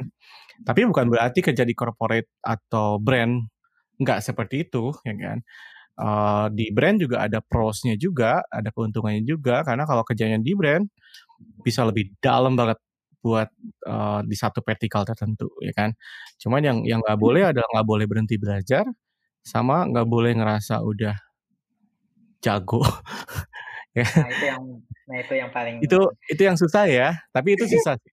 Itu harus ditanemin sama sama kita semua. Kita nggak boleh ngerasa kita udah expert. Kalau kita udah ngerasa udah expert, kita nggak mau belajar, nggak mau dengerin orang.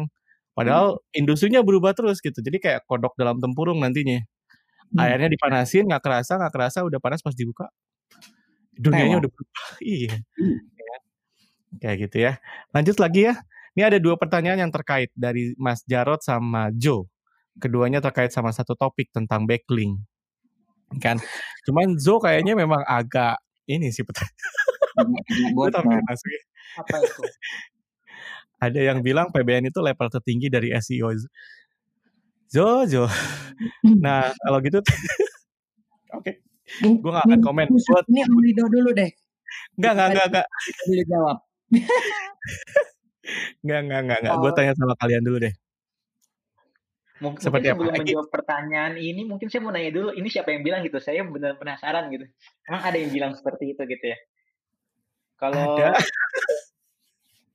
okay. oh, oke okay. kalau memang oke okay, oke. Okay. Kalau kalau memang kalau memang misalkan kita anggap ini saya, saya pribadi ya ini ini tuh saya baru dengar kalimat ini kalau memang PBN ini level tertinggi dari SEO uh, eh, jadi jadi kalau menurut saya pribadi uh, uh, apa kalau PBN level tertinggi lalu uh, lalu aspek seperti seperti at least experience for users itu di, di sebelah apa? mananya gitu.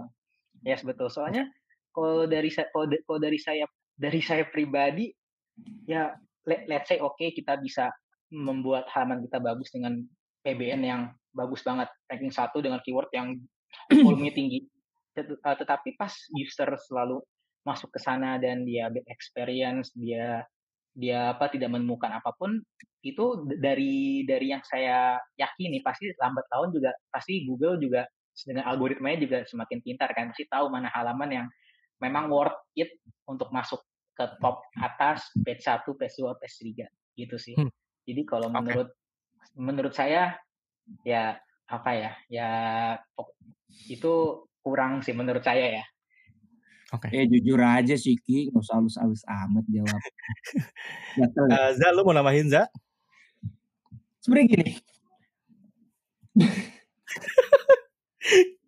udah, udah, udah cukup ini kalau emang bener nih gue juga nggak per nggak munafik ngomong PBN itu hmm. PBN itu nggak menghasilkan gue nggak pernah ngomong tapi permasalahannya gini kalau PBN itu level tertinggi kita simpel aja itu Google udah gulung tikar pak hmm. gampang banget kita begoin Google bikin PBN berarti logikanya kalau PBN level ter tertinggi website selevel e-commerce di Indonesia itu udah punya PBN setinggi Gunung Himalaya mungkin yeah. udah 100 kali PBN nih. Apa piramidnya. Kita udah punya miliaran halaman tuh gimana cara aiming keywordnya. Coba dipikir baik-baik di situ. Yeah. Kalau emang gara-gara PBN adu kuat-kuatan PBN berarti kembali lagi ke statement yang tadi di hmm. awal uh, diskusi soal Google Update.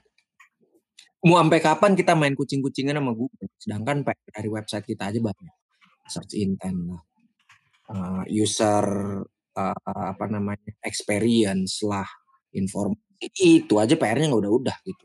Hmm. ada masih banyak uh, teka-teki lah yang hmm. kita pecahkan bareng-bareng. Kita berfokus nyiramin PBN aja. PBN bagus nggak buat aiming beberapa keyword segala macam? Bagus. Bahkan di dalam perjalanan gue belajar SEO pun gue pernah PBN emang bener bagus. Tapi kalau kita menjadi seorang praktisi SEO, itu kan kita juga mesti berpikir dari sudut pandang bisnis. Ngegaji tim SEO aja sama tools-tools saya itu udah cukup mahal. Kita bebanin lagi bikin uh, website-website uh, yang menurut gue pribadi agak susah untuk diperdag dipertanggungjawabkan kredibilitasnya gitu. Kita katakan drop domain apa akuisisi 100 domain segala macam habis 150 juta. Duitnya uh, backnya kapan? ROI-nya. Dari 150 juta ini bisa apa? Belum ada resiko nanti ada Google Update. Belum ada resiko nggak taunya kita salah beli itu uh, tosiknya gede ya pasti manajemen dengan mudahnya berpikir 150 juta mendingan gue beliin ads itu uh, udah jelas uh, eh, 150 juta yang klik sekian yang belanja sekian duitnya jelas kemungkinan besar ditolak mentah-mentah orang finance apa pun itu perusahaannya oke okay. ya yeah. Ekonomis gitu kita berpikir yes. bisa nggak bisa cuman secara ekonomis susah pak oke okay pertimbangannya banyak ya Zak ya, berarti ya. Ini sebenarnya terkait sama pertanyaan dari Mas Jarot juga mengenai backlink ya. Uh, kalau misalnya ada 200 ranking faktor, uh, Mas Jarot, gue sambil share satu screen ya Zak ya. Oh, kan. Kalian juga pasti pernah lihat screen ini ya kan. Mas Jarot biasanya yang paling mudah untuk menjelaskan tentang ranking faktor ini yang gue pakai adalah predict table-nya punya search engine land ya kan. Dan uh, kalau gue pribadi biasanya point of view-nya adalah yang dilihat sama search engine itu nggak cuma satu faktor aja, nggak cuma backlink doang, nggak cuma konten doang, nggak cuma struktur websitenya doang, ya kan? Tapi yang Reja senang banget ngomong yaitu adalah holistic approach SEO gimana semua elemen yang ada di websitenya di platformnya kita bisa bekerja dengan baik untuk menjawab search queries dari audiens kita, ya kan? Kalau Mas Jarod tertarik untuk melihat elemen by elemennya, Google sendiri nggak pernah ngasih tahu secara detail apa aja elemennya, ya kan? Predictable punyanya search engine land ini pun ini kebanyakan ya hasil uh, apa research sama analisisnya expert-expert SEO, ya kan? Dan ini biasanya yang jadi insight-nya kita, ya kan? Uh, tapi Mas Jarod, kalau kalau gue ya, Zaki gue sih nggak pernah terlalu fokus terhadap satu part di SEO yang gue lakuin. Ya kan? Gua, uh, karena kadang-kadang kalau kita terlalu fokus sama hal itu kita jadi misleading gitu. Ya kan? Kita terlalu ngomongin backlink nih akhirnya kita fokus untuk jalanin backlink doang, ya kan? Sementara part-part yang lain termasuk user experience-nya, termasuk konten quality-nya nggak pernah kita pikirin ya buat apa juga benar nggak? Setuju nggak Zak sama Ki? Setuju banget. Betul banget. Oke. Okay. Malah tuh pernah Siap. eksperimen ya. Gue sama Eki coba eksperimen kita bikin blog kecil-kecilan dari domain. Baru umur tiga bulan gitu. Kita A-B testing. Pure on page. Pure on page. Nggak ada backlink. Ngereng bisa. Yes. Ya. Yeah. Berarti kalau di sini kan udah kebantah itu yang namanya uh, backlink penting. Tapi walaupun gue pribadi nggak nampikan backlink. Nggak menutup soal itu, ya. Yeah. Tapi kalau bisa naik backlink ya ngapain kita berpikir terlalu jauh sampai backlink. Which is itu hmm. Dioptimalin dulu potensi kemungkinan besar bisa. Ya, iya sih. Dan teman-teman sales marketer juga jangan salah persepsi ya. Backlink ini analogi yang paling gampang buat backlink ini adalah seperti word of mouth marketing. Vote, recommendation, ya kan? Dari website-website lain yang ngomong kalau konten kita adalah konten yang paling relevan terhadap topik tertentu, ya kan? Itu yang harus jadi groundnya kita untuk untuk melihat backlink ini. Jadi bukan hanya sekedar anchor tag atau hyperlink atau itu doang, tapi juga backlink ini adalah vote sama recommendation dan yang search engine mau adalah tentu yang genuine recommendation sama genuine vote ya kan uh, mungkin pada pada level tertentu PBN yang kita kelola sendiri, kita buat sendiri websitenya, kita isi sisi sendiri kontennya, kemudian kita kasih backlink, mungkin bisa bisa ranking ya kan. Tapi sampai kapan? Sampai tahap seperti apa ya kan?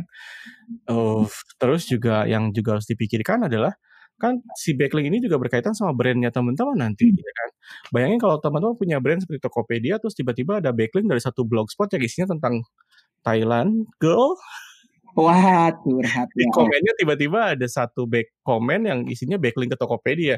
Gimana teman-teman Tokopedia nanti ngelihat brandnya diperlakukan seperti itu? Itu juga harus jadi perhatiannya teman-teman. Lanjut ya.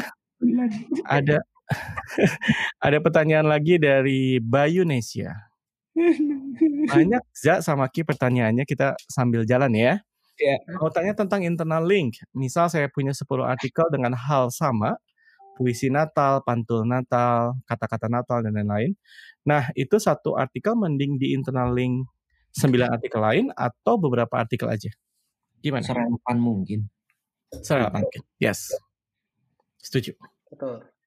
Kata kunci puisi Natal masa iya nanti ngeling ke uh, hadiah Natal gitu apa misa Natal kan agak jauh banget ya gitu. Hmm. Belum mungkin puisi ke pantun masih masuk akal lah. Mungkin aja. Kalau emang dia bisa ke 15 artikel connect tapi relevan ya kenapa tidak? Yes.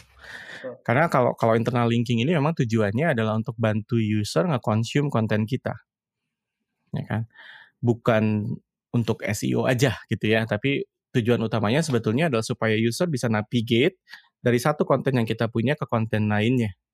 Kan tentu harus yang seperti Reza bilang harus relevan. Eki ada ada ada tambahan untuk ini Ki? Hmm, kalau kalau mungkin kalau dari sisi saya pribadi, mungkin selain dari relevan itu mungkin yang yang penting yang penting kan kita sebagai owner website tersebut itu pasti kita juga, pasti kita juga tahu kan.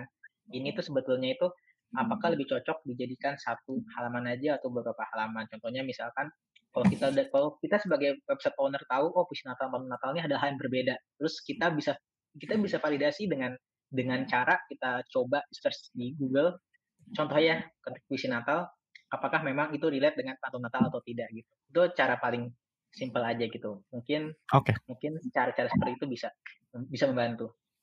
Siap. Thank you. Oke. Okay. Ada pertanyaan lagi dari Bro Amu. Wah, ini kayaknya kita follow-followan di Twitter nih, Mas Bro. uh, di Topet ada concern dengan crawl budget nggak? Atau crawl stats yang baru di Search Console? Nah, sekarang Eki duluan, monggo. Eki. Oke, okay. oke okay, ini oke okay, mungkin ini saya bisa saya bisa flashback sedikit ya karena saya di SEO Con saya kebetulan saya baca uh, saya membawakan hal tentang bagaimana bagaimana Tokopedia ini manage satu jutaan halaman uh, dengan de, dengan menggunakan uh, stats. Jadi memang stats ini di Tokopedia menjadi menjadi yang penting juga. Uh, mengapa sih penting stats? Karena gini, setiap halaman yang terindeks di Google pasti itu harus di crawl terlebih dahulu dong. Karena tanpa tanpa halaman itu ter, tanpa halaman tersebut bisa tercrawl, ya kita tidak bisa terindeks gitu kan. Itu yang pertama. Terus yang kedua, uh, concernnya di bagian mana aja sih gitu. Sekarang gini, sekarang kita mungkin mungkin kita memiliki uh, jutaan kita memiliki jutaan produk, jutaan halaman dan lain-lain. Sekarang uh, sekarang pertanyaannya baga bagaimana sih agar kita bisa jutaan halaman tersebut bisa teroptimalkan dan tercrawl oleh Google dengan baik. Nah, gitu. Jadi jadi makanya di sini di, di sini kita uh, maka di sini kita sangat concern dengan yang namanya logbots. Jadi dulu di SEO kan saya juga sempat membawakan tentang logbots, mengapa logbots itu penting. Jadi logbots itu sangat penting karena kita bisa tahu si Google ini apakah dia banyak mengcrawl halaman yang kita expected atau tidak gitu. Jangan-jangan hmm. si Google ini mengkonsumsi halaman halaman istilahnya halaman parameter kita semua gitu. Yeah. Di mana halaman parameter tersebut juga balik-baliknya juga ke uh, ke uh, canonical ke versi defaultnya. Di mana itu kan yeah. sebuah hal yang hal yang apa ya istilahnya rugi lah ngap, ngapain kita memberikan dibandingkan Google harus mengcrawl halaman tersebut kenapa tidak kita memberikan Google halaman yang lebih penting lagi untuk, untuk di crawl gitu. Terus itu yang pertama itu dari saya terus mungkin crawl stat yang baru di Search Console. Nah, sebetulnya close tadi search console ini ini benar-benar sangat membantu uh, mungkin at least bagi saya pribadi gitu ini sangat membantu kita bisa meng, kita bisa mengidentify mana uh, mana tipe-tipe halaman yang uh, yang dari sampel URL-nya itu yang yang lebih banyak di crawl gitu. Jadi kita bisa tahu nih bahwa kalau ada halaman yang lebih banyak di crawl berarti tandanya mostly akan ada ada entry point kan nah pertanyaannya apakah itu expected atau belum gitu? Itu yang pertama. Terus yang kedua kita bisa kita bisa mengetahui bahwa ada isu-isu lain kan. Sekarang ada dikasih tahu 5 xx lalu ada robot CXT yang yang tidak bisa di reach terus yes, yes, ada yeah. DNS yang rusak. Kok lengkap sekali sekarang itu sudah membantu banget gitu. Berkah itu ya? Iya okay. itu berkah. Dan berkah, itu menurut ya. saya adalah fitur terbaik search console tahun sekarang ini. Sekarang ya yes. Iya. Oh, kita udah nunggu itu fitur udah lama banget. Kita ada pengenin kan? dapat info semacam itu pakai Botify ya kan? Yeah. terus party yang mahal-mahal atau manual buka logbot kita download tuh dari server kita. Kalau pakai apa? Uh, dari kalau kita punya website pribadi tuh dari si panelnya kita download segala macam log servernya ya. Servernya pet wah nggak ngeheng langsung kan komputer. Eh, nggak dari dulu. Ya di, dirilis aja Google Google. yes.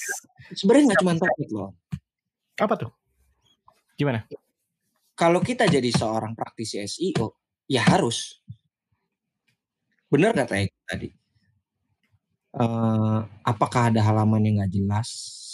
Kan kita kita nggak tahu ya namanya. Hmm. Ini ini lo lagi ngomongin sorry, lo lagi ngomongin soal crawl budget kan ya? Iya crawl budget. Yes. Namanya si robot itu kan kita nggak tahu ya. Kayak air ya.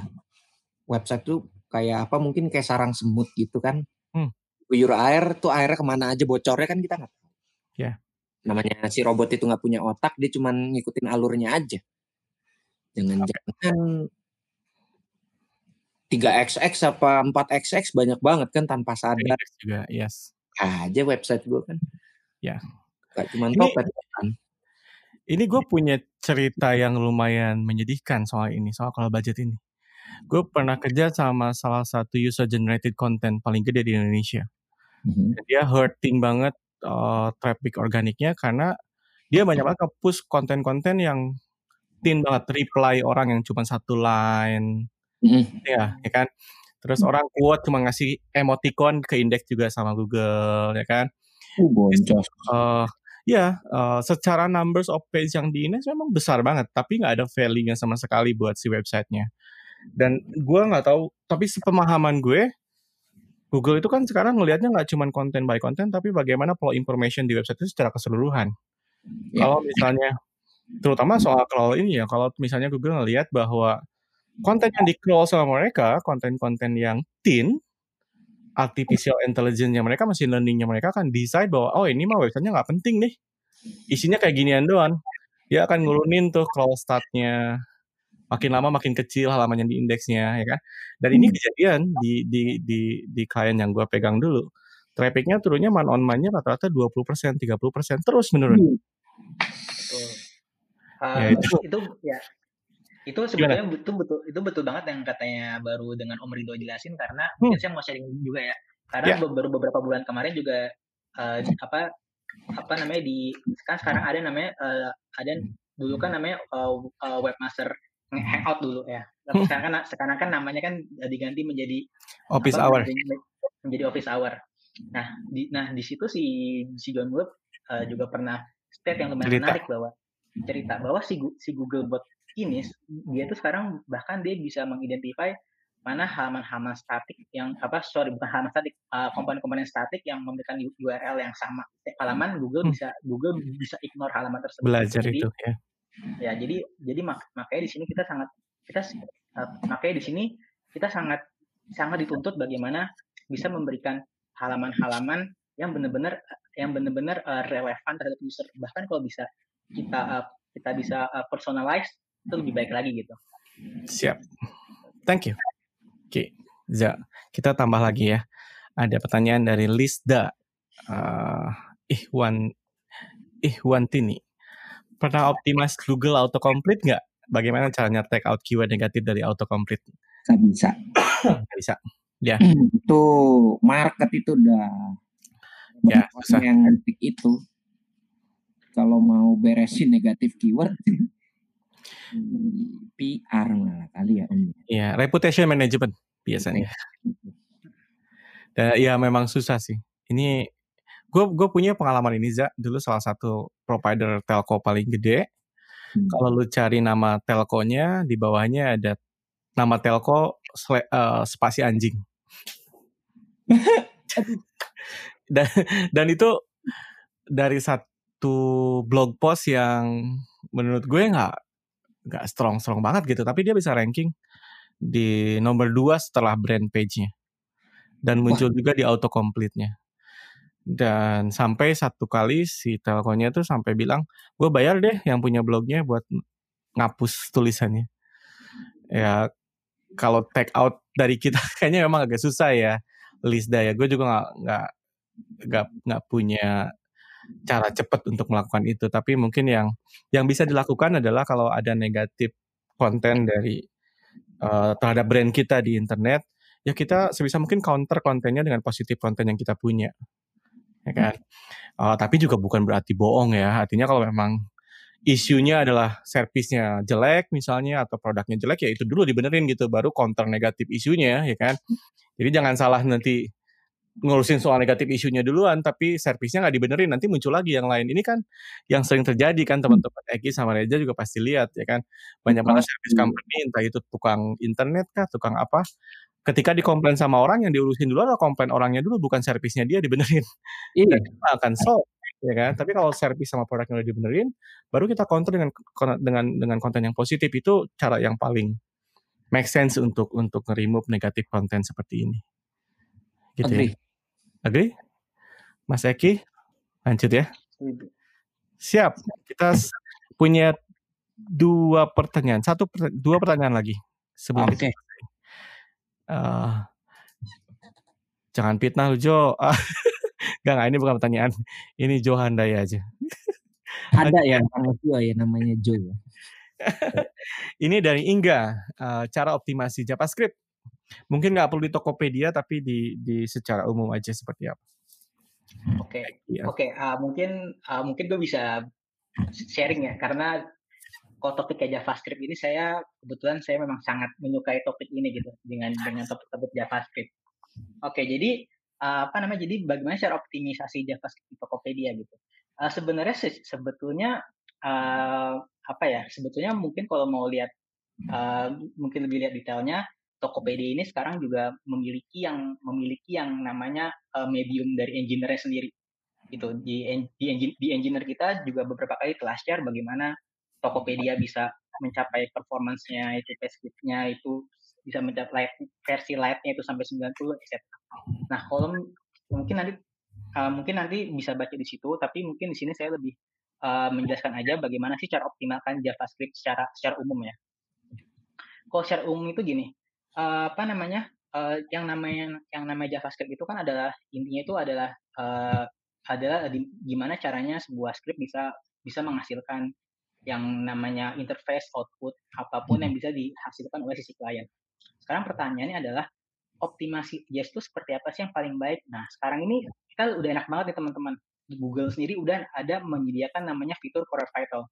Hmm. Nah, di mana Core Vital ini sebenarnya ada memberikan beberapa informasi yang sebetulnya penting dan kita bisa memahami dengan lebih mudah lah dibanding zaman sebelumnya kita tidak bisa memahami JS bagaimana Google render JS dan lain-lain. Nah, Mm-mm. contohnya gini, contohnya eh, mungkin teman-teman bisa mengoptimalkan JS ini dengan cara bagaimana meng- mengoptimalkan nilai dari eh, dari dari indikator LCP yaitu large content full pane. Nah, itu di, di mana di mana JavaScript itu eh, user itu eh, kan satu halaman itu mungkin bisa banyak JavaScript. Pertanyaannya eh, Java eh, istilahnya eh, yang mana duluan yang mau di running untuk diberikan kepada user. Nah, itu nah itu jangan sampai kita let's say kita memiliki halaman yang ada gambar terus ada komponen lain-lainnya komponen lain-lainnya eh, tapi ternyata kita malah eh, malah memberikan komponen yang tidak penting duluan gitu terhadap user akhirnya komponen pentingnya di run belakangan. Nah, Ya. hal yang seperti itu sebetulnya itu adalah sebuah hal yang bisa dioptimalkan terlebih dahulu gitu. Jadi kita tidak usah ribet dulu itu dan yang pertama. Terus ya, terus yang kedua mengoptimalkan JavaScript itu yang penting adalah bagaimana JavaScript tersebut bisa menghasilkan HTML yang benar-benar yang benar-benar yang benar-benar kita butuhkan. Hmm. Yang, uh, jangan sampai kita memiliki fancy JavaScript yang terlalu fancy ya ya akhirnya di dokumen pertama kalinya itu Berat. juga itu juga tidak ke fetch dan bahkan sampai beberapa kali Google melakukan indexing web indexing dia juga tidak yeah. muncul sama sekali itu kan sama aja bohong gitu. Jadi yes. mungkin dua hal penting itu aja sih gimana caranya untuk mengoptimalkan di JavaScript secara general. Tapi kalau mau Tokopedia bagaimana di engineer kita itu juga ada ada blognya sendiri teman-teman bisa baca. Ada namanya mediumnya itu eh, engineer Tokopedia. Teman-teman bisa baca. Siap. Reza mau nambahin? Sebenarnya mirip sama Eki. Kalau secara overall mungkin ya ini uh, di luar sebelum gue di Tokopedia juga pernah nemuin beberapa case uh, uh, web designernya lagi aktif-aktifnya nih. Lagi senang-senangnya eksperimen gitu. Ada bling-bling. Gue dulu pernah kerja di majalah online. Dikasih bling-bling lah segala macem. Macem-macem. Dengan uh, JavaScript ya, Pakai JS. Hmm. Nah, poin pertama, gimana cara optimasi JS? Apakah uh, fitur-fitur yang tadi entah bling-bling entah tiba-tiba kan kadang suka ada orang pop up apa yang chat itu gue juga beberapa kali nemuin yeah. pop upnya itu nimpa real apa real dokumen ini timpa sama pop up itu gue pernah ketemu isu intinya gini dia itu kerender apa enggak real uh, content hmm. apakah pop upnya itu nimpa apa enggak gitu. Jangan sampai Aduh. Bini lo masuk TV. Yang buat termos. Jadi pecah. ya, siapa suruh lewat? Mohon maaf teman-teman. Ya, terusin ya. Apa apakah elemen-elemen yang tadi itu nimpa elemen penting kita? Gitu. Hmm. Apakah elemen-elemen itu perlu ada? Apa jangan-jangan gara-gara lagi aktif-aktifnya tim desain dikasih bling-bling dan lain sebagainya? Dan atau beberapa case gue juga pernah nemuin di luaran sana, oh semua kita pakai JS segala macam generate blank. Begitu hmm. render. Itu yeah. itu optimasi gitu aja deh. Pertama barangnya ada nggak sih pas kita kita render percuma gitu. Kita canggih-canggih wah enteng nih kayak gini kayak gitu segala macem. Blank ya terang aja enteng. Orang gak ada di render isi. Itu aja deh. Cuma kembali lagi ada beberapa talk show sebelum ini uh, gue juga pernah ngobrol. Reso lu reso ini bukan berarti reso server ya. Reso lu developer lo itu mampu melakukan itu. Oke. Okay kita mau fancy, kita pakai JS macem-macem segala macem, tapi nggak bisa ke render, akhirnya backfire ke kita sendiri. Mendingan pakai yang biasa-biasa aja kalau emang oh ini sorry nih mah developer gue junior, uh, ilmunya belum terlalu jauh, nggak usah ngutang hati ke arah sana. Tapi kalau emang mungkin kalau kita di Tokopedia ya udah mumpuni ya developer kita, monggo kita bisa bereksperimen gitu aja. Siap, thank you, siap. Kan, uh, teman-teman kan memang apa namanya ini waktunya terbatas. Tapi teman-teman kalau mau ngobrol lebih lanjut nanti sama Reza sama Eki, kayak di LinkedIn teman-teman bisa cari nama Reza Purnama atau Eki Riandra. Uh, di Instagram juga ada. Instagram lu apa namanya Reza? Reza Putra ya. Reza Purnama. Reza Purnama. Terus sama Eki Riandra ya. Nanti teman-teman bisa ngobrol sama dua expert ini lebih lanjut di sana karena uh, acaranya kita memang agak terbatas waktunya, gitu ya. Uh, mohon maaf kalau ada yang belum terjawab. Uh, gue mau share satu dulu ke teman-teman. Besok itu gue punya satu webinar yang ngomongin soal media planning, kan? Kalau teman-teman belum daftar, teman-teman silahkan daftar. Alamatnya ada di uh, situ, ya kan? Go klik slash media planning, kan? silahkan daftar secara gratis. Uh, sebelum gue tutup acaranya, gue juga mau ngucapin banyak terima kasih ke Reza Purnama sama Eki Riandra udah mau sharing-sharing di uh, di SEO Show episode keempat ini. Gue yakin gue belajar banyak, teman-teman search marketer juga belajar banyak di sini, ya kan? Mudah-mudahan kita bisa ngobrol-ngobrol lagi lebih lanjut, ya kan? Uh, terima kasih juga teman-teman search marketer udah nemenin kita uh, live di episode keempat ini. Uh, yang mau liburan, hati-hati liburan akhir tahunnya. Kita ketemu lagi nanti di 2021. Sampai ketemu teman-teman. Terima kasih. Selamat malam. Thank you guys sudah datang.